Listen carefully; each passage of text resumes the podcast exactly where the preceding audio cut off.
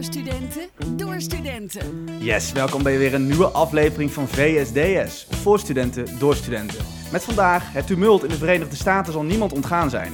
Hoe kijken wij hierop terug? Trump krijgt op de valreep nog een afzettingsprocedure om de oren. Maar heeft, hij deze wel, heeft deze wel kans van slagen? En helaas lijkt het er niet op dat de lockdown spoedig ten einde zal komen. Studenten schreeuwen ondertussen moord en brand om een terugkeer van fysiek onderwijs en klagen over psychische problemen. De vaccins moeten verlichting bieden, maar de situatie blijft in onzekerheid gehuld. Hoe kijken wij hierop terug?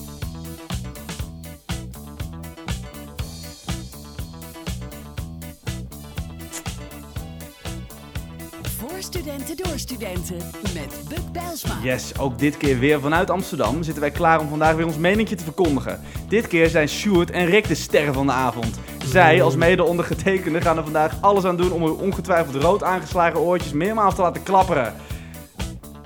Ja, dat zijn op de intro's, of niet? Nou, Rick. flink. Jeetje. Ricky boy, eh, thanks dat je er bent. Hetzelfde geldt voor Sjoerd, maar ik begin Dank uit je. beleefdheid met de, met, met de nieuweling in Ja. town. Eh, voordat we beginnen, hè, de, de grote getale luisteraars denken natuurlijk... Mhm. "Hey, wie is die nieuwe guy? Wie is Rick? Zou je je bij deze eventjes kunnen introduceren? Wie Heel ben je? Wat doe je? En eh, geef eens even een kleine introductie. Ga ik doen. Eh, ik ben eh, Rick, ik kom uit Deventer. Ik studeer aan de UvA, de Master Political Science. En, en eh, Route ik, de toeter. ik studeer net als de rest van Nederland en nu ook thuis. En verveel me de pleuris. En ik hou me verder dus gewoon heel veel bezig met, eh, met sport. Ik ben lekker aan het wielrennen en hardlopen. En eh, hoop, ik hoop in juni mijn master te mogen afronden. Ja, lekker. Ja, Wij alle drie, denk ik, hè? ja. Ja. ja. Wel Ja. plan. Ja? En, Wielrennen, heb je ook een fiets? ik heb een fiets, ja. Oh, heeft hij ook een naam? Die heeft een naam. Oh, Shaki Trekhaki. oh Shaki Trekhaki. eh, is, dat, is dat de naam? Is dat de naam van die fucking vette, mooie, dure fiets die je net eh, aan mij hebt laten zien? Dat is de naam van mijn, mijn schitterfiets die ik een week geleden heb Waar mogen komt die eh, vandaan dan? Die, die naam heb ik onderweg met, eh met Sjoerd eh, mogen bedenken. Oh. Die had zelf een hele mooie naam voor zijn fiets. Ja, ik voel aan alles dat Sjoerd in een iets wat ballorig eh, soort van creatieve is vervelend bui is. Ja, dat Mijn fiets door. heet eh, Gita, de Giant. En die is heel mooi roze-paars met geel. En eh, lekker kek retro. Gaat Lekker in de geest van de LGBT. eh Nou ja, het, Helemaal woke. heet gewoon Giant. En dan moet je iets op eh, zetten wat ruimte. En gaat kan een vrouwelijke eh, naam, hè? Goed, ik heb het alweer door. Emancipatie. Ik heb het alweer door. Genoeg gelul. Ik bedoel, eh, niemand hoeft te weten hoe het met jou gaat, Sjoerd. Nee. Want, eh, en niemand hoeft te weten hoe het met mij gaat. Want het gaat met iedereen hetzelfde. Iedereen verveelt zich dood. En die kut lockdown gaan we het ook hebben, over hebben in... Licht aan het einde van de tunnel. Yes, een beetje tegenwicht wordt hiervoor besproken. Met als doel de, de lach terug op het gezicht te brengen. Met deze week de vaccins komen aan, maar de lockdown blijft voortduren. Hoe lang is deze situatie nog houdbaar, jongens? Hoe lang gaan we dit volhouden met z'n allen?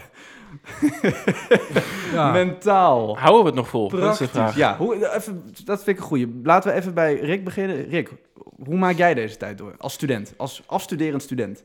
Eh, teleurstellend. Hè? Je, je verwacht natuurlijk gewoon dat je lekker, eh, lekker op, de, op de universiteit nog je laatste jaar van je studie hebt. Ik, ik ga je naar niet meer studeren. Dat je nog, Nee. Nog eh, die studententijd meemaakt. Maar eh, helemaal nu de harde lockdown er is, is het gewoon heel saai. Die Je is kan ons niet meer- ontnomen dat laatste jaartje. Anderhalf jaar eigenlijk, als je Anderhalf bent. jaar. Want we zitten met deze shit al in, sinds maart. Dus het Ja? half jaar. Ik had net een lekkere koffieautomaat gevonden. Maar ja, die, eh, daar heb ik nu ook niks meer aan. Nee, precies. koop je Die, niks 50, voor. die ene die 40 cent kost, echt een lekkere. Nee, die, ik lekkere. niet chill, hoor. Die, als je dan drie trappen naar beneden ging en dan... eh, Hoezo vertel je mij dit nu pas en heb je dit niet eerder gezegd? Of waar Ja. dan? Op routes? Ja, daar, ging, daar gingen we toch altijd heen tijdens die pauzes. Oh, ja, ja, ja, ja. ja. Oh, die maar ja, had je ja. op de vierde les en liep je zo naar beneden en dan had je daar die goede koersen. Ah, het is nu een soort mythe geworden. De, de, de- de routes bestaat nou maar niet meer. route. Nee. Het schijnt. Nee, nee eh, hoe, hoe is dat voor jou, uh, Sjoerd? Nou ja, ik denk net zoals het gros van iedereen een beetje eh, saai op je kamer zitten. Maar aan de andere kant denk ik, ik ben wel blij dat het juist mijn ja- laatste jaar is en niet mijn eerste jaar. Dat eh, ben ik helemaal met je eens. Ja. Dat wou ik ook eigenlijk zeggen. Beter dat dit je laatste jaar is. Want ik heb toch wel e- echt wel medelijden met de jongens en meisjes die nu hun eerste twee jaar van hun studententijd toch een soort van, uit, soort van, van, van zich af. Weet je, wij weten hoe het is om Ja. een onbezorgde studententijd te hebben. Wij weten hoe het is. En eh, Nou, je, als zij pech hebben, dan, is, dan maakt corona zo aan de helft van hun studententijd een eind. Nou, maar überhaupt de mensen die net naar Amsterdam zijn verhuisd of naar een andere studentenstad en verwachten daar eh, lekker de introweek mee te maken, nieuwe vriendjes te maken en eh, lekker los te gaan. Scharrelen, eh, net niet meer jouw ding, maar lekker los te gaan.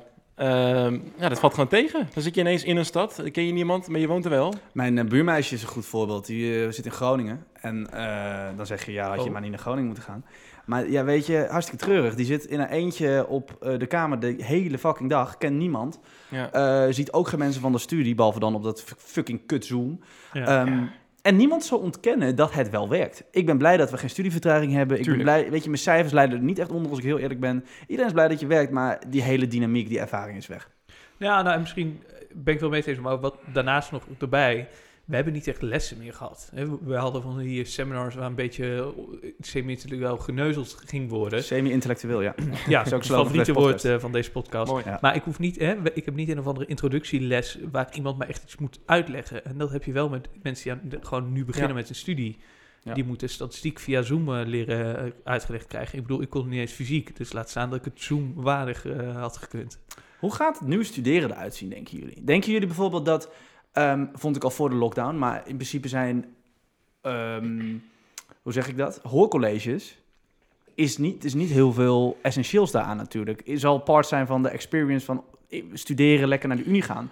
Maar een hoorcollege via Zoom wat opgenomen is, is natuurlijk prima. Ja. Dat, eh, praat ik voor mezelf hoor. Nee, hoe, hoe, hoe, hoe vinden jullie dat? Dat, dat gebeurde natuurlijk al wel. Ja, je kon het, Ehm, het gros van de colleges kon je terugkijken. Maar ik denk dat het nu al een stukje ervaring is wat die docenten hebben. Wat Ja. ervoor gaat zorgen dat het nu gewoon altijd zal worden opgenomen. En dat, Ja. je, dat je het mag bijwonen. Wat, Ja. ik, wat ik voorheen ook al veel had gevonden. Dat, Dat hadden was wij toch niet. wel bij de meeste... Nou, Nou, je, je hoort het veel, maar Je kon het op. Ik, ik, ja, ik vind juist wel dat je om gewoon naar hoorcolleges te gaan. Ook is maar het idee. Ja, gewoon- aanwezigheid, je aanwezigheid werd ik ook hoor, omdat je aan het huis uit bent. Ik doe het meer voor het sociale component dan dat ik het echt doe voor het educatieve Mm. effectiviteit, als ik het zo mag noemen. Nou, ik had dan wel dat je dacht van, nou, nu ben ik echt hier op de unie en nu ga ik werken. Als ik dan thuis zit en ik ga zo'n college aanzetten, dan ben ik niet die drie uur lang gefocust en geboeid. nee, dat is waar. Dan ga je het aanzetten en dan ga ik ondertussen de vaat van drie dagen doen. Of mijn was ophangen, of eh, dat soort dingen. En als je daar zit, zit je er ook. Je hebt misschien de mogelijkheid om wat meer vragen te stellen. En ik denk dat je ook nog wel het, het voordeel hebt dat het gewoon wat beter binnenkomt. Maar werd het eens opgenomen dan bij ons? Nee, toch? Jawel, meestal wel. Maar Ja? ik keek ze nooit. Ik, De ja, hoorcolleges werden in. meestal, niet bij alle vakken, maar ik kan me nog wel meerdere vakken herinneren die wij, sorry, vorig jaar hebben gehad, Ja. die, die opgenomen werden en teruggekeken konden worden. Wel. Ja. En ook zelfs eh, een soort van vakken, volgens mij hadden we dat bij eh, dat eh, tweede statistiekvak vorig jaar. Eh, dat eh, de hoorcolleges waren opgenomen al een eerdere periode. Die, die moest je gewoon kijken, Moest moest je gewoon in je terugkijken. eigen... En dan waar, waren de werkcolleges. Dus Ja. weet je, dat, dat, ik weet niet of daar heel veel in gaat veranderen. Het gaat inderdaad op die manier veranderen dat het standaard niet meer verplicht wordt om hoorcolleges te, te bezoeken. Denk ik ook. En die kan je terugkijken. En dat vind ik een prima, dat zou ik een prima compromis vinden. Stop als je een dag, eh, als we straks weer de kroeg in mogen, dat je een dag brak bent. Dat je er gewoon een keer kan eh, besluiten om te skippen. Ja. In plaats van dat je per se heen moet. Of een half uur te laat binnenkomen lopen bij eh werkgroep met eh, onze grote vriend Dagmar. Ja, nou laten we het niet over Dagmar hebben. Ehm, dus op de keper beschouwd, hè, denken jullie dat corona daadwerkelijk heel veel gaat veranderen aan eh, hoe het, we het studentenleven kenden? Dat er veel fundamentele veranderingen gaan zijn als het rond de zomer weer een beetje allemaal normaal is. Oeh. Als het normaal is, denk ik niet. Stel, het is aankomende zomer nog steeds raar, of nou raar anders. Ik denk dat er wel minder mensen zijn die denken, ik ga me inschrijven voor een studie. Ik eh, merk dat er veel mensen zijn die ook bijvoorbeeld de keuze maken om niet nu te gaan verhuizen als ze Ja. beginnen Want ja, wat- wat- je kan lekker beter even bij je ouders blijven natuurlijk. Maar als alles weer normaal is, denk ik dat er juist heel veel mensen juist weer gaan studeren. En juist weer buiten het huis gaan wonen. En dat er juist weer van die leuke introfeesten zijn. En Tuurlijk, maar aan de andere kant hebben heel veel mensen nu wel een studie begonnen dicht bij huis waarschijnlijk. Omdat ze toch thuis blijven wonen. Misschien wel de eerste twee jaar. Misschien ja, maar Oh, dat is als je- interessant. als er je- zou er minder, minder drang zijn om in de grote stad te gaan studeren en meer eh, rondom de eigen woonplaats. Nou, ik denk juist doordat je geen fysieke les hebt, dat mensen denken: ik, waarom als je ergens in een dorpje in Limburg zou wonen, dan kan je prima thuis wonen en aan de UvA studeren. Ja, Want je hoeft toch niet naar college te gaan. Nee, er wonen Maar genoeg. de vraag is natuurlijk voor- voor de studenten maar die nu zo nog reden- thuis wonen. Niemand gaat er hier- toch vanuit dat dit vier jaar lang duurt. Ik bedoel, iedereen weet, op, op een gegeven moment gaan we een keer terug naar normaal. Er gaan vaccins komen, er, gaan groep, er komt groepsimmuniteit. Dit kan niet eeuwig duren, dus dat neem je toch wel mee in je overweging dan. Ja, maar ik bedoel, je hebt heel veel mensen die het eerste jaar zeggen: oh, ik blijf het eerste jaar bij mijn ouders wonen, want mijn P halen en dat soort dingen.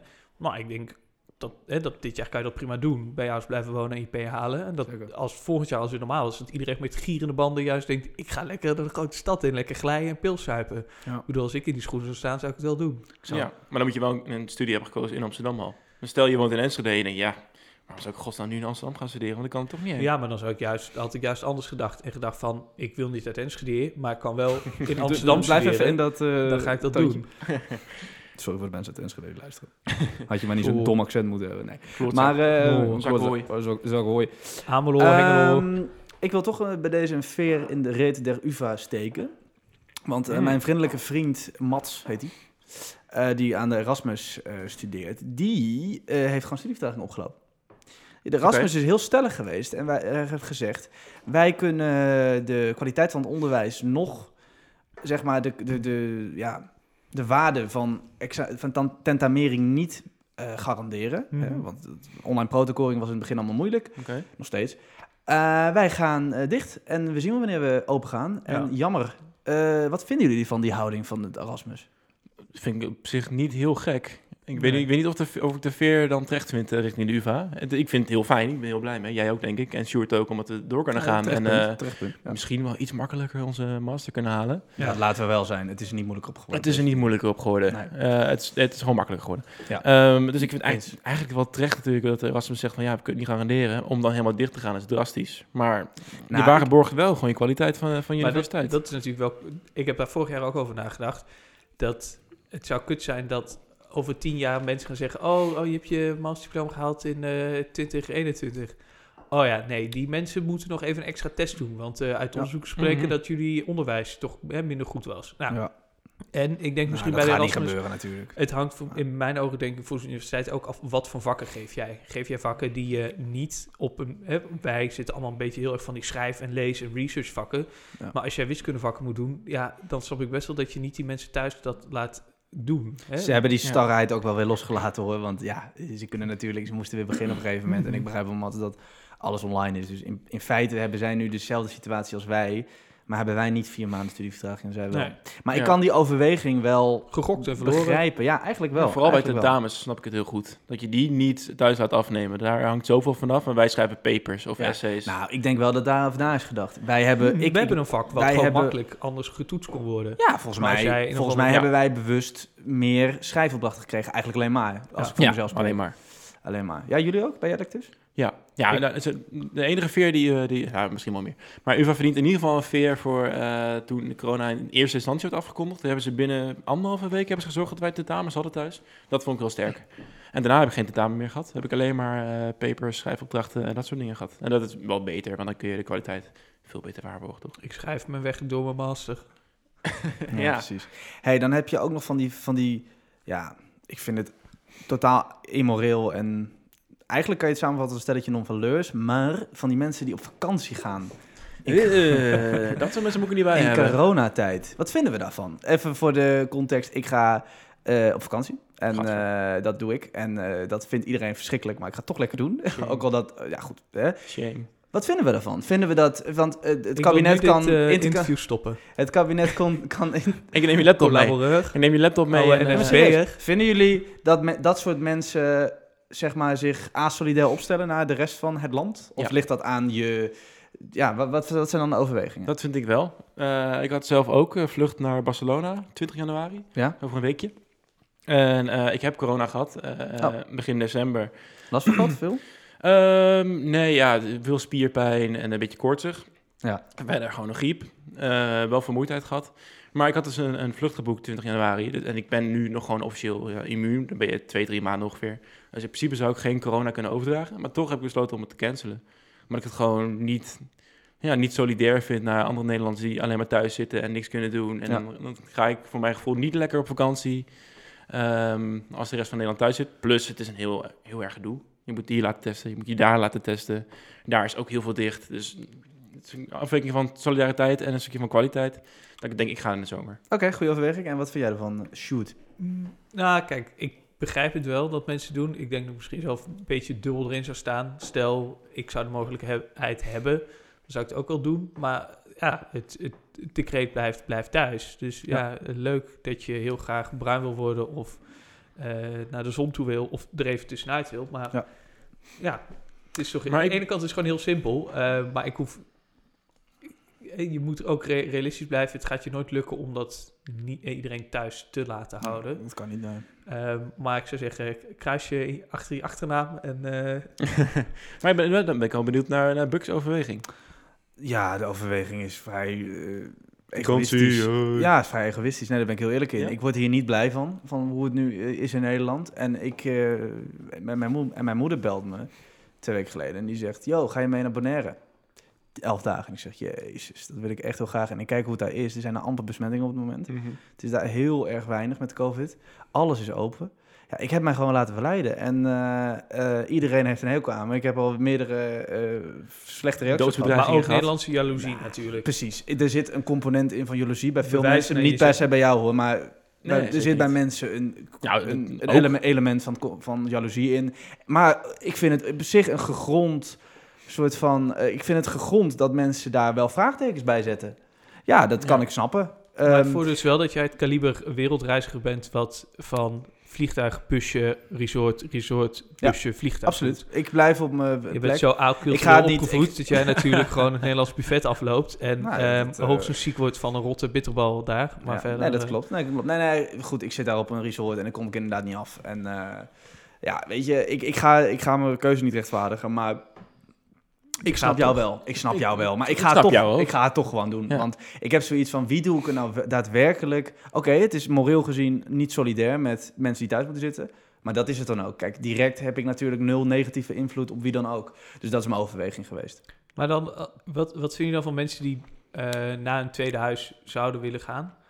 Stel, je hebt een huisje in Italië, dat je denkt, nou, ik rij erheen en ik zit daar. En dan, eh, Dat lijkt me geen probleem, toch? Als je rijdt. Kijk, mijn grootste, mijn grootste objectie is vliegen. ja, Maar hoezo je- dan? Want het is echt uit onderzoek gebleken dat een vliegtuig, een COVID technisch gezien, een hele veilige manier is om te reizen, omdat er heel veel ventilatie Ja, is. ja. En de ik- luchtvochtigheid Ik, weet niet met welke eh, airlines, maar er zijn heel veel airlines die zeggen...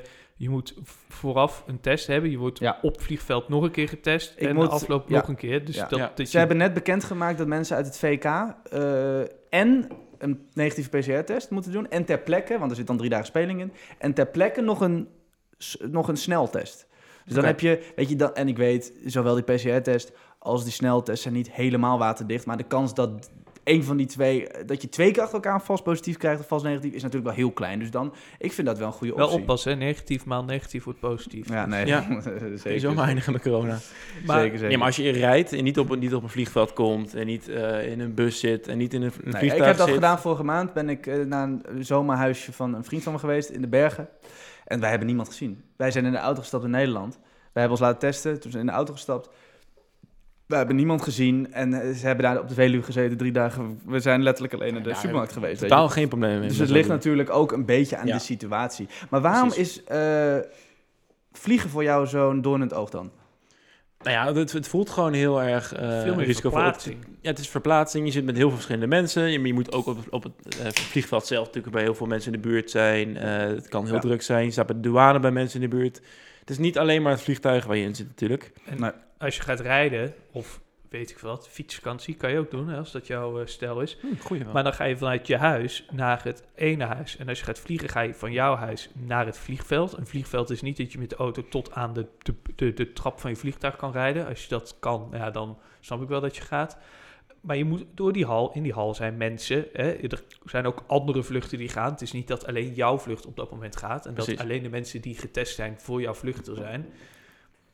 En dan denk ik dat er ook nog altijd mensen zijn die, die zichzelf boven de wereld stellen en denken dat zij zich niet hoeven te houden aan de regels die worden opgesteld was door was zo'n airline. niet een Nederlands meisje in Zwitserland Ja, maar die je komt corona had en, eh, en terug probeerde te komen? Ja, nou, kijk, dat, Toch? dat, Nou, dat is natuurlijk kwalijk. maar je hoeft de vlucht niet op te komen om mensen ziek te maken. Stel, ik loop er dat al eh, mijn longen uit te kochen zonder eh, dat ik COPD heb eh, in de vertrekker van Schiphol, dan kunnen er ook mensen ziek van worden. En als jij het niet zou zijn als medereiziger, wie weet is wel Harry de schoonmaker of Ja. chefke de douane. Moet je net Harry hebben? Ja. Ja. dat is meer. Dat, en, en daar snap ik Rick's punt. Dat, je bent, Ja. Als je zegt, de auto staat voor de deur, ik haal jou op en ik haal jou op en we rijden dan naar dat huis. En dan gaan we Ja, daar naar het Je komt met minder mensen in aan- aanraking. Ja. Ja. Nee. Maar ik snap je ook heel goed. Ik zou ook eh, heel graag... eh, en Bonaire is een ander verhaal natuurlijk. Er zijn veel minder bes- bes- besmettingen dan in Spanje. Het is daar amper nu op dit moment eh, een ding. Maar Dan goed, ik het, wil dat nou niet als rechtvaardiging. Want Nee, nee, nee. De, de, de, de, het heikele punt, zeggen we de solidariteit ten opzichte van iedereen. Eh, dan vind ik niet dat je onderscheid wil maken in dat er toevallig daar iets minder besmettingen zijn. Maar, Maar- nogmaals, ik ga het toch lekker doen. Ja, nou, dan weet ik het goed gemaakt. Wij verwachten wel een souvenir. Ja, Wat wil je? Wat wil je? ik Wil een koelkastmagneet. Ik, Ik ga wil er ook heel een veel, magneet. ik ga er heel veel duiken, vooral. Dus- Nou, dan neem maar een hele mooie zeemermin. Nee, dat mag niet. Zeemermin. Ik ben ook BNF Ranger geweest in mijn eh, jongere Oh, jaren. alsjeblieft, ga daar niet aan Gadver. even uitweiden. Mag Sjoerd's Oh, nou. microfoon uit? Dat vind ik echt Nee. een pedofiele Nou jongens, het is dit ranger. nou weer? Ja, Ja, is hartstikke belangrijk. Ah, mooi deze collectieve Ja, tegen- ik, heb, tegen eh, ik, had toen, een, dat is wel een leuk verhaal. Mijn vader vierde toen zijn vijfde verjaardag, had een groot feest. Toen ben ik Mhm. bij iedereen die langsliep, ben ik voor mijn Jaguar inzamelingsactie langs gegaan.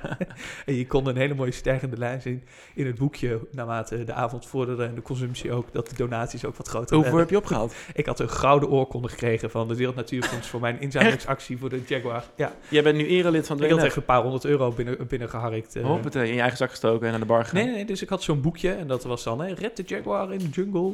Maar ik, ja, ik was echt nou, actief wenen. Het is niet zo, ik was geen Greenpeacer die dan eh, olieplatformen eh, zou bestijgen. Maar nee, ja, ik ging ook mee op uitjes en de tamtam lezen. En, eh, nee, ja, nog steeds hoor. Ja, goed. Sorry voor dit hele slappe verhaal van Sjoerd. Veel ter opvulling van eh, het biertje halen. nee, grapje, grap. Ehm, Ik heb Dan ik- aandelen in de olie. dan wil ik door naar een... als je je bek houdt. Dan wil ik door naar een ander onderwerp. Ja, ja. Heikel onderwerp. Het licht aan het einde van de tunnel wordt gebracht door de vaccins. Dat lijkt me duidelijk. Ehm, wat is jullie mening daarover? Ik, eh zou ik beginnen? Ja, begin eens. Als eens jij wat. je bek nou eens even houdt. Ja, daar heb je gelijk in. Ik ga het eh, doen. Wat, eh, wat jij? Zeker, tuurlijk. Ik denk dat Sjoerd het ook gaat doen. Ja, Heel ja, goed. waarom niet? Ik had gisteren een discussie met een vriend van mij. Die is eh 23, van onze leeftijd. Net afgestudeerd van zijn hbo. En die zegt gewoon, ja, ga het niet doen. Heeft En hij dan- wel gestudeerd dan? En er was de redenering... Sjoerd. En er was de redenering was dat hij er geen zin in had. Hij voelde zich niet geroepen om zich te laten vaccineren, omdat hij niet de doelgroep is waardoor het zorgsysteem vastloopt. Ja, Ja. dat argument heb ik vaker gehoord. Ja, Ja, maar je wil, zou, ik zou het alleen voor de reden dat ik meer naar buiten kan eh, of mensen weer kan zien, zou ik het gewoon al doen. Als je tegen mij zegt, je kan fysiek college hebben als je die prik in je bovenarm hebt zitten gehad. Nou, Oké, dus we Ja. vinden die verkapte, ver- die verkapte vaccinatieplicht, wat mensen het noemen, dus dat je de markt overlaat en dat je privépersonen laat beslissen over of, of ze, ja, hij of zij niet binnenkomt op je evenement, school, bla bla, bla dat soort dingen, kroeg. Eh, vinden, wij, vinden we dat te billijken als, de, als je dus direct daardoor meer vrijheid krijgt door, de, door je krijg je discriminatie op, op Ja, eh, ik vind dat niet zorg. kunnen. Nou, maar dan moet je misschien Niet kunnen. Dan moet je, nou, ik vind wel. Ik, het- ik ben ervoor dat je de markt overlaat om te zeggen van ik wil geen, ik wil geen eh, corona-uitbraak op mijn evenement. Ik wil alleen mensen binnen hebben die een vaccin hebben. Maar ik vind wel dat je dan ook moet accepteren dat mensen ook binnen kunnen komen met een negatieve PCR-test. Of een negatieve sneltest. Dat vind ik wel. Want anders, ik weet niet in hoeverre dat staatsrechtelijk mag. Dat je mensen uitsluit Ja, op ja, basis van of ze een vaccin hebben. Dus ik vind dat dan praktisch een beetje moeilijk. Ja, maar praktisch is het ook heel moeilijk met een negatieve PCR-test. met je incu- incubatietijd. Je hebt altijd wel Ja, een incubatietijd oké. die je ook nog overheen kan Daar gaan. heb je gelijk in. je alsnog- sneltest, snel, als de ontwikkeling in sneltest nou eindelijk eens een keer eh, de- sneller gaat en die betrouwbaarder worden en die makkelijk af te nemen zijn, dan vind ik, stel dat dat zo is, als je Mhm. dus betel, snel, snelle en betrouwbare sneltest hebt, dan moet dat wel worden gezien als een valide alternatief voor de, dat voor de zich- vaccinatie. Ik zit te denken, wat je zegt. eh, kan jij als evenement of als kroeg, laten we zeggen kroeg, zeggen... je bent bij mij niet welkom zonder je vaccinatie. Ja. Nou, dan moeten we A, allemaal weer ons gele vaccinatieboekje eh, tevoorschijn toveren. Ja. Maar je kan ook zeggen... een paar maanden geleden toen de kroegen open waren... hebben we hetzelfde gedaan. Toen werd toch gezegd... je mag hier niet binnenkomen als je symptomen hebt. Als ik luid kuchend in Café Gollum zou hebben gezeten... hadden ze ook gevraagd of ik misschien kon oprotten. Ja, maar is, Dus hè, misschien... Het, het is, een- een- dat is meer advies natuurlijk. Ja, ja, en wat je dan Die, daarbij wordt- die kan wordt niet zetten- wettelijk gewijzigd. Dat dan gewoon de regel gaat zijn: oké, ehm, ik wil geen coronamensen in mijn kroeg. En dat kan je zijn door of A, een vaccinatie hebben, of B, dus bewijs van het niet hebben. Als je zegt: ik heb gisteren een test gedaan. Mhm. Maar ja, dat blijft nog steeds wel het risico hebben dat die persoon wel ziek kan worden. Ja, die die maar moet je niet in deze een heel klein risico een beetje accepteren? Nou, dat, misschien wel waar. Vorige, vorige week in Barcelona is het goed gegaan, toch? Was er een, Ja, een test even. Heel interessant. En Het Ja. was een testevenement. Een corona-testevenement waarbij ze de sneltest hebben gebruikt. Mhm. Bij iedereen van tevoren. Vervolgens hebben ze iedereen naar binnen gedaan, random geselecteerde mensen.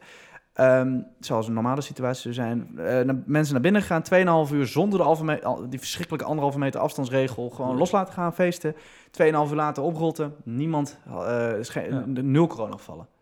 Ja, Heel interessant. Nee, maar ja. ik vind dat, dat dat schept perspectief. Voor, want je hebt toch een rare tussenperiode nu. Zeker Ja. met dat de, die Britse mutant die als een soort donkere wolk boven de, boven de markt hang- hangt, zeg maar. Tussen eh, zeg maar het openen van de economie door vaccins, maar dat zal niet zo snel gaan. En misschien kunnen sneltesten een soort rol spelen, waardoor alles nog eerder open kan. Maar de laatste keer dat ik hier bij de GGD een test heb laten doen, een coronatest, toen ehm stonden ze ook met die, met die blaastest. En toen kon ik nog meedoen met een onderzoek. Ik zei, oh ja, leuk, nou, meegedaan. En de kerel zei, ja, als het goed is, de gemeente heeft die al gekocht. En hij zei, we zijn nu nog verder aan het gewoon Ja. testen Nee, of ze gaan hier ook dat, ze gaan dit soort eh, eh, hier dingen invloed op hebben. En hij zei, ja, als die werkt, dan kan je gewoon zeggen, oké, eh, er wordt een festival georganiseerd. Je blaast in dat ding, want ze weten dat je kan aangeven dat je het niet hebt. Ze gaan dit doen. Ze, dit is, dit is. En dat zei hij ook de hele tijd van ja, geef nog een paar weken en dan kom je hier bij mij. Nou, hè, zou ik in de rij daar in zo'n ding moeten blazen. Dan kom ik daarna in een grote lege rijhal een biertje drinken. Ja. Maar hij zei van ja, dit werkt in zo'n manier wel. Dus dat je zegt, Ja? elke kroeg krijgt gewoon zo'n blaasbuis. Ja. Zo'n blaasbuis. Ik bedoel, eh, misschien is dat nog net iets mooier dan die lelijke alcoholische pompjes. En dan zeg je ja, of je moet hier even testen. Als je niet hebt, kom je binnen. Of je moet een vaccinatie hebben, dan kom je ook binnen. Dus het gaat niet per Je moet op naar je- manieren om die wereld weer open te krijgen. Want dit gaat zo niet. Weet je, je kan niet eeuwig blijven oppotten op de staatsschuld. Nee, is zeker waar.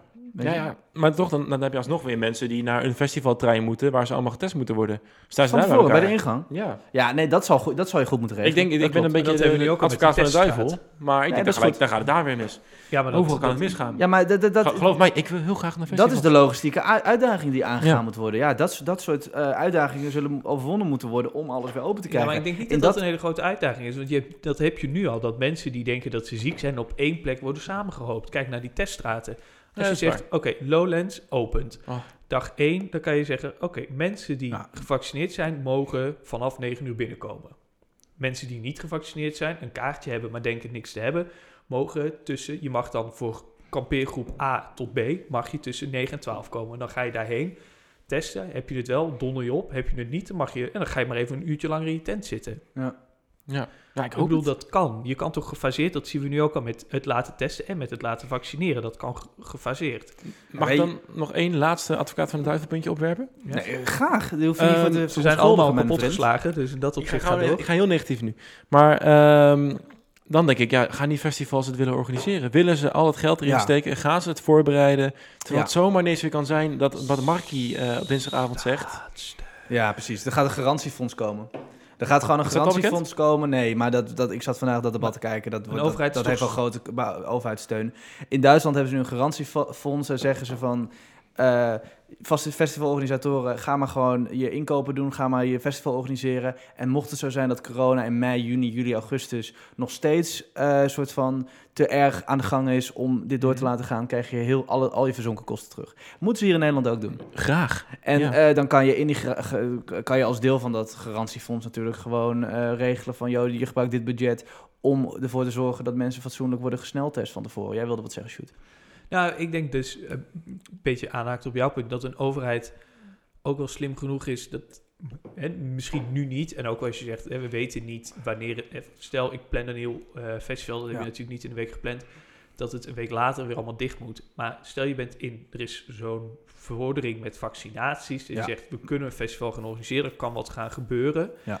Alleen eh, dat een organisator misschien denkt van ja, oh kut, dan moet ik ook al die kosten voor die sociale veiligheid en dat testen. En dan moet een overheid toch denken van ja, oké, stel we hebben een festival van 10.000 euro en 3.500 euro zijn kosten om dus mensen vooraf te laten testen, dat zij dat betalen. Ja. Dat, was, dat is dan mijn punt. Dus je zegt, wil een, fest- wil een organisatie dit organiseren? Zou ik zeggen ja. En dan neemt de overheid wel de kosten voor een deel op zijn rekening voor eh, Ja. de waarborging dus om die teststraten daar te hebben, om dat te Ja. Alles wat er in dat festival gebeurt, dat is aan de organisator van het festival. Maar dat testen bij de deur is aan de overheid. Ze weten ook wel van, ja, als ik 3000 euro sponsor in iets wat uiteindelijk 10.000 euro kost, wij gaan er allemaal heen. de- Ja, dan gebeurt er weer wat. Er Ja. wordt weer bier Ja. verkocht, er wordt weer eh, drugs gebruikt. Oh nee, dat gaat sowieso wel goed. Hebben jullie gezien dat in Israël al 25% van de, van de bevolking gevaccineerd Ja, is? ja, en nu zijn ze bang Mhm. dat hun positief succes een negatief effect gaat hebben op een PR-status. dus dat mensen die vaccineren... Dus zij ze, Israël is nu zelf bang dat door de snelheid waarmee ze vaccineren... en de dekkingsgraad die ze hebben... dat producenten van vaccinaties niet meer aan Israël, Israël willen leveren omdat ze denken, ja, jij zit al op zoveel procent van je dekkingsgraad en landen om je heen. Ze hebben gewoon contracten bij die, bij die farmaceuten. Ja, maar die, die mogen toch nog steeds eh, dingen weigeren. Nou, als je een zegt- contract hebt je- en je zegt ik betaal 200 miljoen voor weet ik veel, voor 100 vaccins, dan maar kan je niet zomaar toch- zeggen Ze van, hebben toch nu een eerste batch gehad. Dan kan Ja. je toch, als daar weer over onderhandeld Mhm. wordt, kan je zeggen, ja jongens, eh, Ja, op die manier, bij, de- bij het nieuwe contract, oké. Ah, interessant, interessant. Oké, te- ten afsluitende van dit blokje, hebben we nog een voorkeur voor een merk van welk vaccin? het duvelvaccin. S- Sputnik, Sputnik wil jij. Nee, nee, nee. Ja, maar een het karmelietje. Nee, maar, het, Maar oh, het- dat is een echt vaccin. nee, het is dus het water wat in het Pfizer-vaccin Ja. gebruikt wordt, is hetzelfde water als in duvel wordt gebruikt. Dus duvelbier. Ja, interessant, interessant. Dus Pfizer. Nee, ik ben eh Pfizer, oké, ik ben Janssen. Janssen, eh, J- Johnson Johnson. En eh, dat is gema grotendeels gemaakt door het Leidse Janssen en Janssen. Leiden, ja, een beetje nationalistisch. ja. Kan op koelkasttemperatuur bewaard, eh, bewaard worden. En je hebt maar één prik nodig. Heel interessant. Lekker Krijgt, in, eh, krijgt eind februari waarschijnlijk de, eh, goedkeuring van de Ja. EMA. Nou, hartstikke Mij maakt leuk. het niet zoveel uit. Eén prikkie. Nou, Eén doe- doe- prikje is fijn. Dat is Ja, fijn, want doe dan anders moet je nog terug, hè? Ja, Ik ben niet van de prikkies, dus doe Ja, dan ik maar vraag die. me ook af, ja het moet, wat moet je tussen die twee prikken in doen? Nou ja, dan ben je dus bij veel vaccins, heel interessant, ben je al eh, voor een heel groot deel beschermd. Voor 70 tot 80 procent, best wel al aanzienlijk. Trouwens, dat is met elke vaccinatie een hele domme vraag van mezelf. Maar als jij maar een daarom ben je hepatitis hier. Geeft A-prik- helemaal niks. Ja, als je een hepatitis A-prik krijgt, krijg je tenminste, als je een langere dekking wilt hebben. Ik weet nog, toen ik jonger was, kon ik nog dat halen. Dan heb je eerst de eerste prik en dan moest je drie maanden later terugkomen voor de tweede prik. En dan Ja. die tweede prik zorgde ervoor dat je die dekkingsgraad had voor een x-aantal jaar. Ja, Zo. precies. Hey, Eh, ik heb gewoon mezelf virologie. beantwoord. Sikke guy. Oké jongens, we gaan door. De diepte in. Yes, en om de uitzending mee af te sluiten gaan we nog even semi-intellectueel graven. Met deze week de Amerikaanse situatie. Want potje, potje, potje, wat maken ze er een Wat potje was het van daar? Jezus, ik zat eh, te werken. eh, thuis, uiteraard. Want ik eh, ben natuurlijk heel eh, Werk innemend met de Heel netjes jij. coronamaatregelen. Zo, heilig. En eh, ik heb genoten. Ik heb genoten. Ik heb gewoon echt genoten. Ik ben helemaal niet van de school die dit allemaal heel erg tanen, kranen trekkend vindt. En waar gaat de democratie heen? Nee, die Amerikanen maken er gewoon een potje van. En ze helpen het zelf naar de kloten. Hoe hebben jullie het eh, beleefd? Het was weer een mooie aflevering in eh, Big Brother America. We hebben weer, eh, we hebben weer genoten, toch? Wat een gekke ook daar, hè? Die, wist, die gasten, die, daar, die shaman ook. Hebben we die gezien?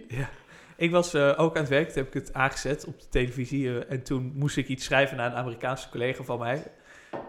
En toen, ik wou natuurlijk zeggen, we hebben gekeken en we vonden het eigenlijk best wel leuk. Maar ik had haar reactie al gelezen. Zei, zijn jullie ook zo gechoqueerd door de gebeurtenissen? Maar het is gewoon zo'n typisch verhaaltje van... leuk om te er zijn wel ergere dingen maar ik ben blij, als het ware, het, het, het vult dat stereotype dat mensen vaak wel hebben over Amerika alleen Ja. maar aan. En ik vind Ja. het interessant om te zien. Maar één ding vond ik jammer. niet bij ons thuis gebeurt. Eén ding vond ik jammer. We zaten anderhalf uur, twee uur te wachten tot de, de politie zou komen. Ik dacht, ze gaan er met de harde Ja, knuppel overheen. Dit wordt weg. één grote vechtpartij. Eh, Ja, mensen dat worden was gewoon... niet verstandig geweest. was niet verstandig, maar wel leuk geweest. Ik dacht, Ja. nou, het Ja, wordt een precies. spektakel. Die idioten moeten eruit. En ik zie vervolgens gewoon een, een, een, een ME'er van Amerika... zie ik gewoon een vrouw Ja, dat Aan de hand die de trap, afhelpen. Ik dacht, die worden Nou, gewoon... ik- Ja. Ik denk dat dat toch slim is, gek genoeg, om dat te doen. Tuurlijk Want was het als jij daar gaat op lopen inrammen, dan weet je, ze waren toch al binnen. Er kon niet heel veel meer gebeuren. Iedereen die geëvacueerd moest worden, was geëvacueerd. Dan kan je het beter gewoon leeg laten stromen. Weet Maar wat je. ik gek vond was, hoe kan dit gebeuren dat, dat ze binnenkomen? Amerika, daar denkt iedereen toch bij, toch bij van, die hebben tenminste de beveiliging goed op orde. Als je, daar, als je in Amerika naar binnen wilt, ik weet niet of jullie ooit in Amerika geweest zijn. Ja. Nou, godverdomme jongen, dit is echt niet te geloven wat, hoe je behandeld wordt op Dat het vliegveld. Ik denk onderschat, want als je kijkt naar wat ze daar hadden, je hebt binnen het gebouw heb je beveiliging, maar dan staat er een mannetje, hè, dan staan mannetjes bij de deuren die, Die arme man zijn. met zijn sno- met zijn stok. Die arme, arme zwarte man met zijn stok die op de trap moest rennen. Heb je die gezien? Nee? Er was één, één zwarte Ja. man met een, met een stok en die moest Ja. die hele groep eh, oh ja, eh, ja maar dat gezien. dus, dat er buiten de gezien, ja. senaat houden. als het Ja, ware heb ik gezien. ja. buitenom hadden ze wel hekken staan met, eh, met politieagenten, maar dat er natuurlijk ook meer, ja, dat er iemand staat dan dat het echt een, zo'n groep tegen kan houden. Ja. En als je maar één rij dik staat en zij staan vier rijen dik, dan gaat het Maar- ook al hard. Dit is toch gewoon, gewoon, gewoon veroorzaakt door Trump zelf. Als je ziet wat voor, wat voor, Ja, maar daar komen we Wat- pas zo meteen op, toch? wat, nee, wat voor militairen hij heeft neergezet bij de Black Lives Matter protesten. Ja, Eh, en het is, nu, het is gewoon Ja. bekend dat hij dat nu heeft geweigerd. Dat hij gewoon nu eigenlijk zo min mogelijk daar heeft neergezet. Ondanks dat de FBI Ja. een dag van tevoren heeft gemeld dat dit zou kunnen gaan Je hebt gebeuren. helemaal gelijk. Trump heeft daar gewoon niet eh, adequaat op gereageerd. Doordat, nee, doordat gewoon hij wist dat het zijn supporters waren. Preventief, gewoon heeft hij dat gewoon. Hij wist dat het, dit zou kunnen gebeuren en dat vond hij niet erg. Hoe heb jij ernaar gekeken dan? Heb je het live gekeken? Heb je Ja, CNN ja. aangezet? Ik vond het wel leuk dat de NOS CNN-beelden eh, eh, gewoon... En dan wel vijf keer altijd hetzelfde beeld voorbij zien komen. Maar, Ja, maar dat is Amerika. Elke, ik had gewoon CNN aangezet. maar ik was gewoon uit werk. Dus was op zich wel leuke ja, achtergrondtelevisie, om zo te zeggen. Was ineens heel rustig bij mij.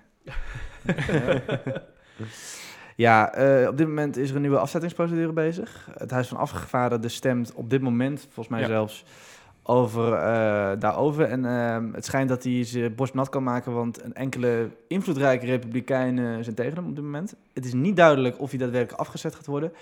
Maar waarom? Waarom moet hij... Sorry, maar is het slim om nu nog een afzettingsprocedure te starten met Bidens inauguratie in zeven dagen? Ja. Zeker. Dankjewel, Oh, Sjoerd. Nou, steek van wal, jongens. Nou ja, eh, allereerst is het gewoon heel erg belangrijk om te zorgen dat eh, Trump nooit meer een, eh, een Ja. positie gaat krijgen in de politiek. Want hij kan eh, herkozen worden in 2024, hè? Of hij kan zijn best eh, gaan doen om dat te proberen. Dat, he- dat wordt Precies. dan Dat, dat, ook heel mooi om zeep geholpen. dat kan zomaar eens gaan gebeuren. En als hij uiteindelijk impeached is, kun je, kun je, kan er daarna nog een stemming komen hè, om te zeggen... eh, Trump mag nooit meer een, een federale positie in de politiek eh, eh, bekleden. Dus daar ben ik het enorm mee eens. En bovendien moet er toch iemand gewoon, hij moet er gewoon gestraft worden hiervoor. Ik vind het zo'n dom argument dat we met z'n allen zeggen... Ja, hij zit er nog maar een weekje. Waarom zouden we, Ja. waarom zouden we impeach? Hij heeft, gewoon, hij heeft het gewoon veroorzaakt, dit. Nou, Laat die man eens zou aan het omdat ik dat wel... Ik, ik, heb, ik zeg dat ook, omdat ik vind dat je- die polarisatie die nu gaande is in Amerika... die versterk je door hem af te zetten. Nee, dat denk ik dus juist niet. Denk ik. Omdat, oké, dat ga ik zo horen waarom dat niet zo is. Maar waarom ik denk dat het wel zo is, is om, omdat je al die Mongolen, want dat zijn het, hoeft helemaal niet met de mantel de liefde bedekt te worden. Het zijn Mongolen die in al die domme eh samenzweringspraktijken ehm, gelooft. Kool op de molen geeft, weet je. De- de- de- ja, het gebeurt weer. Die, die, die, die honden, die elite proberen hem wederom af te zetten. En, nooit meer, en buiten het democratische proces te houden. Het is allemaal een bevestiging van wat, van wat, van wat er wordt gedacht. Ik denk dat het een eh, negatieve invloed heeft op de polarisatie en een positieve invloed op de, de steun aan Trump. Als zijnde de man die buiten het, buiten het systeem geplaatst Trained wordt. Swamp. Ja, Nou, nee, ik denk dat dus niet. Om het eh, nog maar te zeggen. denk je, niet, denk je echt niet dat het zo werkt? Nee, wat ik denk dat met die bestorming dat hij zijn hand overspeeld heeft. Dus je had daarvoor heel veel Ja. republikeinen, harde kern, gematigd. Het maakt niet uit waar ze eigenlijk vandaan kwamen. Maar er stonden nog toch steeds altijd een aantal partijprominenten achter Trump. Ja. Nou, dat heeft hij toen met, heeft hij met die bestorming gewoon ja, kapot gespeeld. Dus nu, eh, Mitch Mhm. McConnell is Ja. zelfs wel enigszins voor het eh impeachen van Trump. Omdat hij dan ook gewoon lekker uit de partij... Dan kan hij Ja. ook niks binnen de partij doen. Beetje net zoals Cherry B. Die, die heeft op een gegeven moment ook zo ra zulke rare combinaties van dingen gedaan... waarvan hij had gehoopt dat het succesvol zou zijn. Wat ertoe geleid heeft dat iedereen die in zijn buurt stond... en heel lang met hem heeft gewerkt, hem de rug toedraait. Dus ik denk eigenlijk door hem te impeachen... dat Amerika dan gaat zeggen... oké, hè, iemand zoals dit heeft ons heel lang apart gehouden... En, ik, eh, en door hem juist te impeachen, dat je dat weghaalt. Dus dat je gematigde republikeinen of wel harde kernrepublikeinen juist ook laat inzien van... hé, hey, de fuck, dit was eigenlijk toch wel heel raar. En misschien is het beter om wat dichter naar elkaar toe te komen. Politiek technisch is het slim om dit te doen natuurlijk. Want je ontneemt hem, ontneemt, eh, de kans om in 2024 Ja. te runnen als hij geïmpeached wordt. Dus dat Zijn snap ik wel. Alleen ik vind het polarisatie heen, technisch... Hij kan niks eh, politieks Ja, doen. En ik Merk denk dat- kapotslagen is niet waar. En Hij heeft die support. Die gaat, de, Ja, die gaat hierdoor nee, niet... maar door, door dit verdwijnen. is, wordt zijn support nog minder serieus genomen dat dat al is. Lieve grap, hij heeft, hij heeft 75 miljoen mensen bij hem gestemd. Ja, dat 11 is, miljoen dat meer waar. dan bij zijn eerste verkiezing. Dat is wel waar. Maar ook Die gaan niet, hierdoor Trumps niet... succes is Maar- vaak ook door grote bedrijven gebeurd. Die zijn ook allemaal eh, teruggedraaid op een, op een steun. Zijn partijgenoten die altijd achter staan zijn ook teruggedraaid op zijn steun, zijn support. Dus als je nu nog zegt, oh, make America great again, dan denkt iedereen meteen, nou moet je echt helemaal oprotten. Ik denk juist dat dit juist het begin is van het afbrokkelen van Wat jij, Rick? het verschil. Ja, het argument ehm, dat het gaat polariseren gaat gewoon niet op. Want Trump is de meest polariserende president ooit. Die heeft vier jaar lang de boel lopen polariseren. En door hem, door te voorkomen dat hij ook nog aan de macht gaat komen als president in Amerika, zorg je dat polarisatie gewoon niet meer voor gaat komen.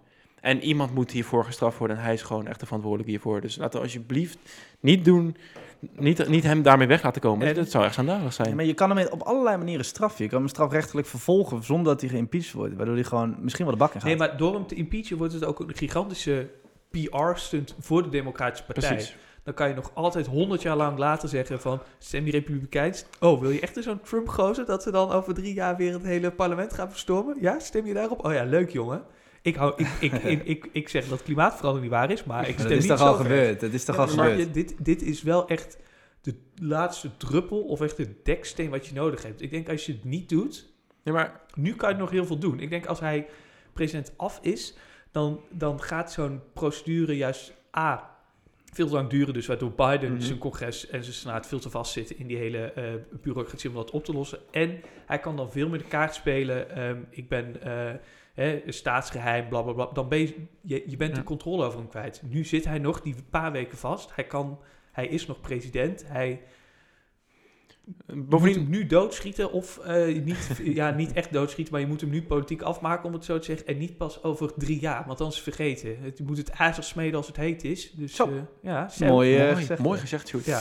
Ja, maar er is, is interessant. maar één manier dat Amerika samen kan komen. Is dat al die senatoren eh, unaniem, het zal niet unaniems worden, maar democraten en republikeinen aan beide kanten van het gangpad gewoon hier stellig in worden. Dan, dan kom je samen. Als zij allebei gaan stemmen eh, voor de impeachment, is het land het met elkaar eens en is, is het allemaal weer mooi, jongens. Dan kan Ik je- vind jullie erg kan positief. Biden op, op de ruïne staan en zeggen, Ik vind jou let's get back positief, to work. positief over Trump.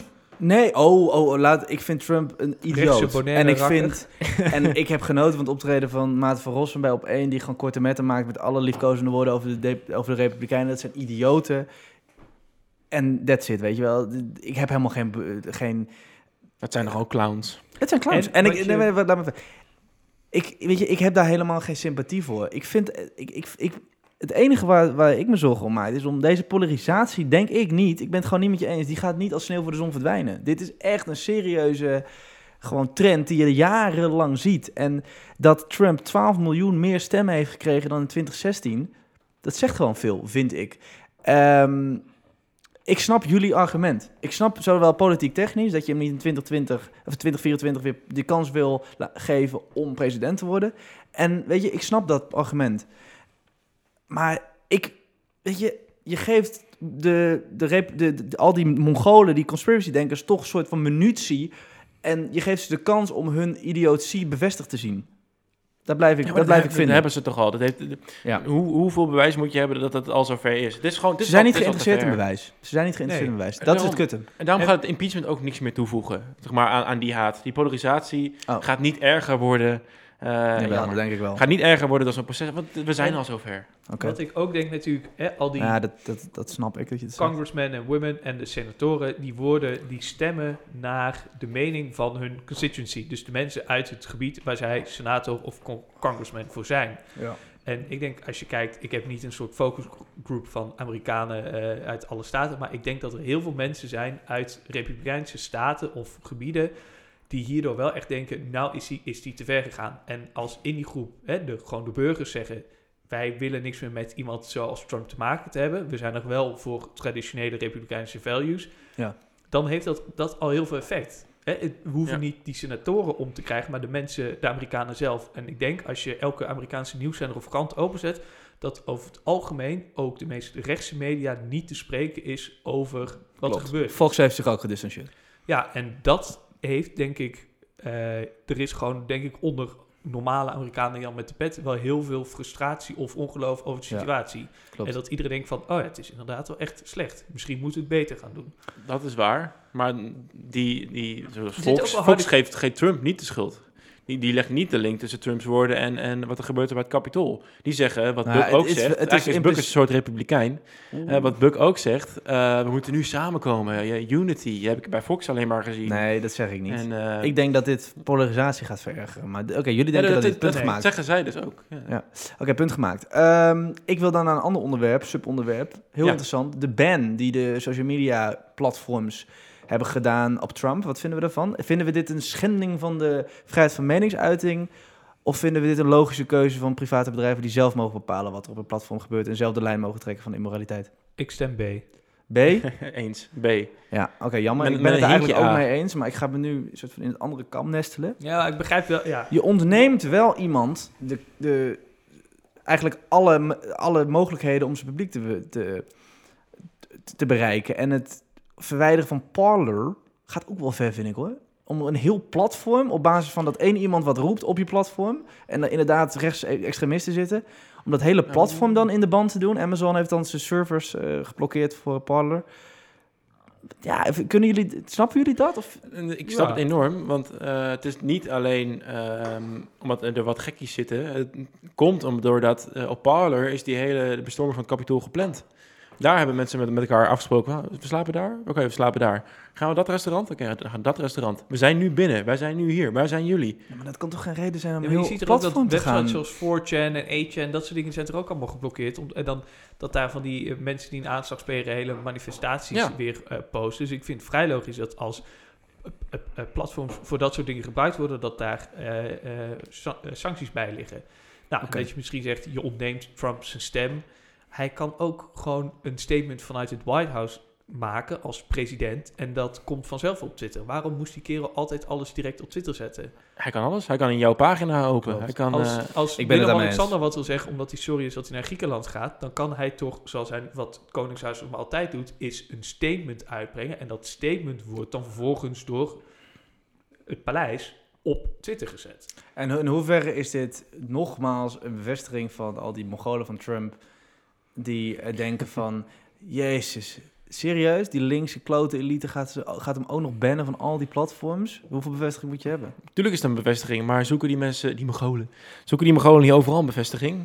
Alles, alles wat er gebeurt Ja, maar jij, in ik alle- vind nee, toch dat jullie de, de, de magnitude van die groep een beetje onderschatten. Je hebt het over 75 miljoen Amerikanen. Niet iedereen is Nee, nee, nee, extreem rechts. Dat klopt, dat klopt. Daar heb je gelijk. En niet te dom om te poepen. Nou, ik vind als je, op, als je op Trump stemt, als je op Trump stemt, dan, dan, dan ben je gewoon vatbaar voor dat, soort, voor dat soort sentiment. Vind ik wel. Je hebt het wel van een grote groep Amerikanen. Het is niet een stel idioten die ergens in een kroeg in eh, een verlaten dorpje in Texas zitten, weet je wel. Het zijn, wel, het zijn veel mensen.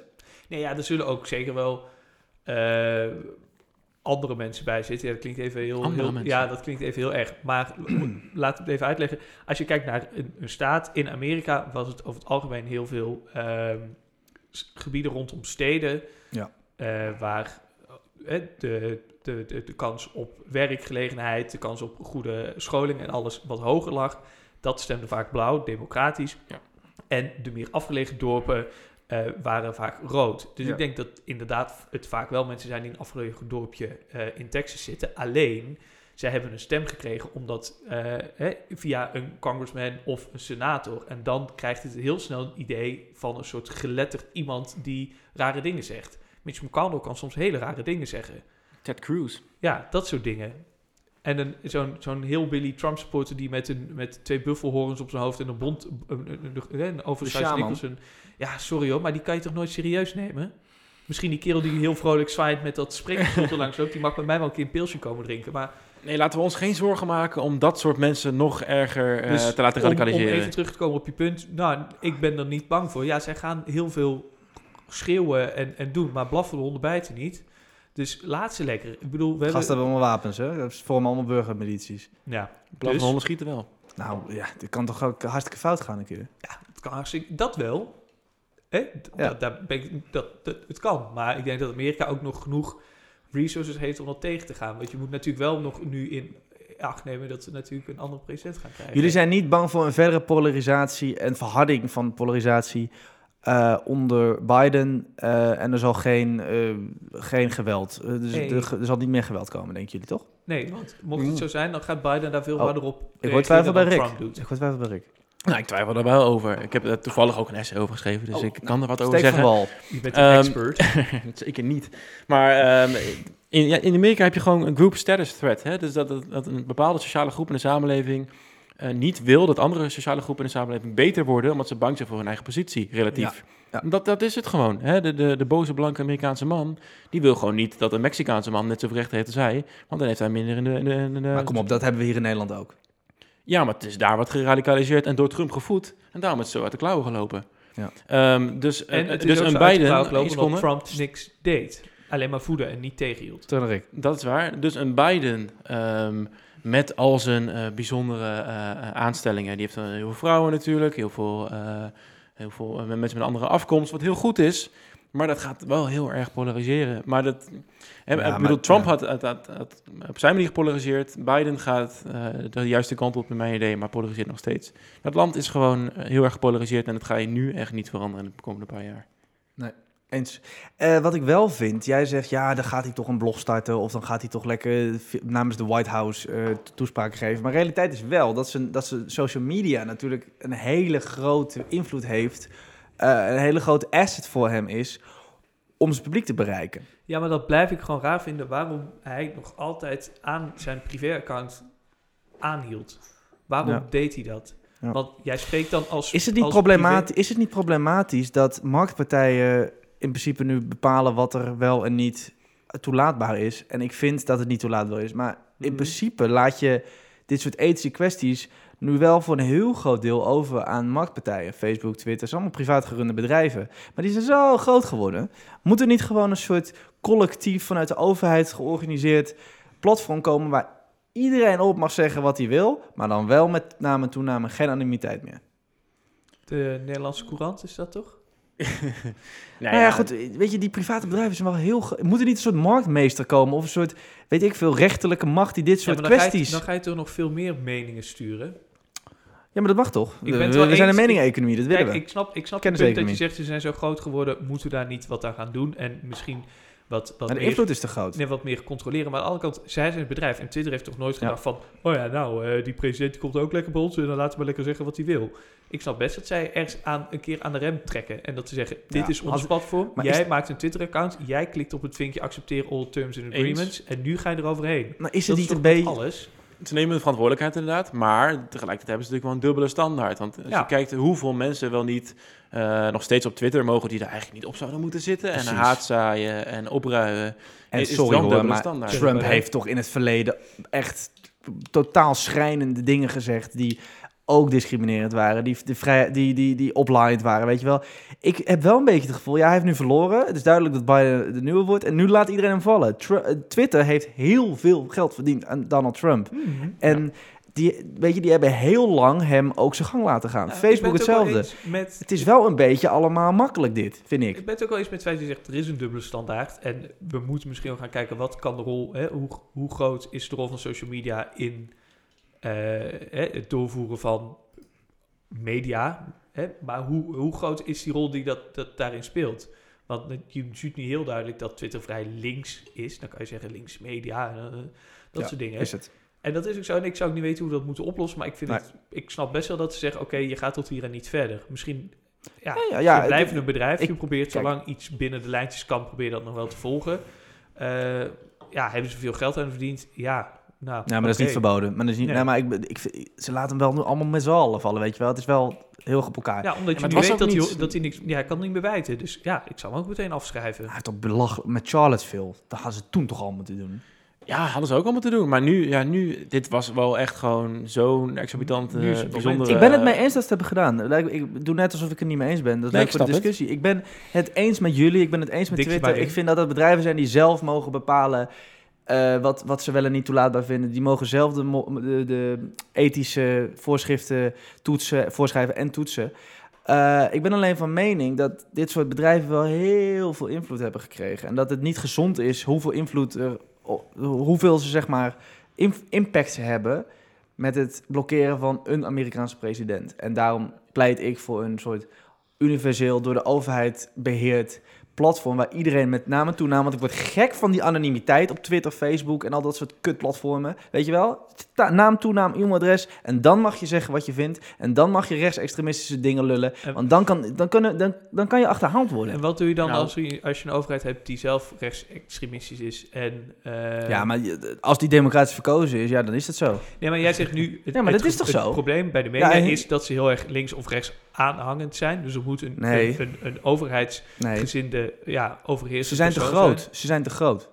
Ja, maar dus... en- En dan? Dus je wilt dan kleiner maken? Nee, een, wil een, overheidsgerelateerd persoon, een politieagent van de overheid, die gaat kijken Nee, wat ik wel wil, een, mag, gaat plat, toch ook niet ik wil een platform wat door de overheid gefinancierd is, wat door de overheid gemaakt is en waar iedereen op kan. Hives. En ik, en Ja, maar dit werkt toch niet? Je- Nee, je- tuurlijk je werkt bent dat niet. Je bent Het klopt ook. domme economiestudent. Je weet toch hoe eh, Nee. kapitalisme werkt, Zie eh, jij die Buck? pie in the sky? Dat is het idee wat je aan het beschrijven bent. nee, dat Maar klopt ook ik- niet. Maar het dat, enigszins- zou, dat zou wel, dat klopt. Dat is een idealistisch gelul en dat gaat nooit gebeuren en dat, dat werkt ook niet, dat verkoopt niet, bla bla bla. Maar dat fixt wel het probleem van eh, marktpartijen die een onevenredig grote invloed hebben op de vrijheid van meningsuiting. Dat is waar. Ik ben, ben het wel mee eens dat, eh, dat, eh, dat we gewoon... We lopen enorm achter wat betreft met eh, wetten en regels omtrent online. Ja. Dat, dat toont dit gewoon heel erg aan. Ja. Iets van een, een soort Supreme Court wat betreft social Court. media. Europese Commissie- gaat Europese Commissie is ermee bezig, hè? Ja, laat maar komen. Europese Commissie is bezig met hoe gaan wij het, met ethische formulering van wat wel en niet toelaatbaar is op social media. Ik denk dat je al heel veel kan oplossen door mensen, door eisen van mensen. Oké, je bij de inschrijving het account maken, teken je gewoon eh, akkoord voor de algemene voorwaarden. En daar zit in geen bericht zonder naam, toenaam, e-mailadres en misschien wel woonadres. Denk ik niet, dat laatste. Maar je moet achterhaald kunnen worden, want dit slaat nergens op op deze manier. Maar wat doe je dan? Oké, eh, eh, laat het voor mij dan even houden op. Er komt iets van regelgeving. Ja. Maar het internet kent geen grenzen. Dus ik kan misschien dingen in eh, Polen wel zeggen.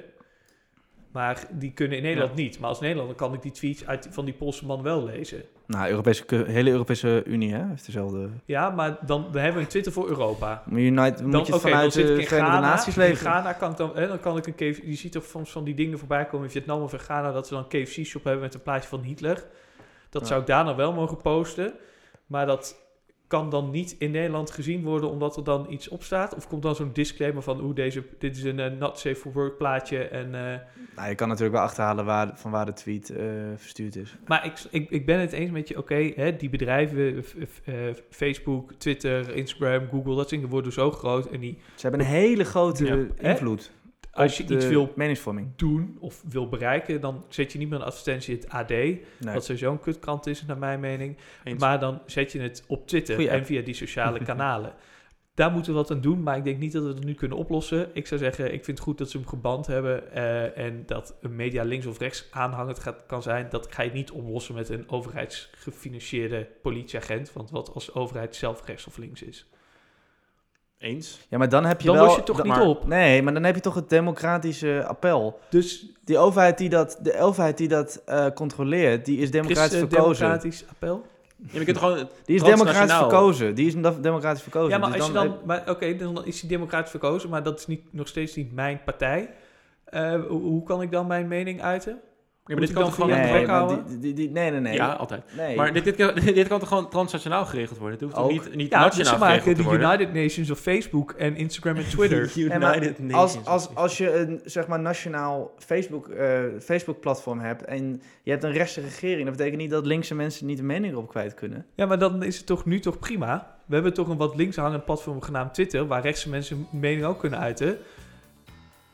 Je, je, je, je, je, je, Nee, je, want ze worden je geband. nu gewoon aan dezelfde drol. Ze worden geband. Ja, maar dat zou dan ook al, als je het omdraait, als je het flipt, dan gaat toch het hetzelfde gaat er niet over links of rechts, het gaat over discriminatie, Ja. opruiing, radicalisering. Dat moet gewoon Ja, stoppen. oké, dus Dat je- dat gewoon. En dat gebeurt massaal op die platforms. Ja, dan gaan ze naar Door 4chan. jou, Sjoerd. Ja. Je doet niet anders. Ik, zie, nee. ik lees alles wat je plaatst, hoor. Allemaal bitterballen eten. Goed. Jongens, ik wil jullie bedanken voor deze podcast. Ik heb ervan genoten. Ik ook. En eh, dit was VSDS van eh, donderdag 14 januari. Tot de volgende keer.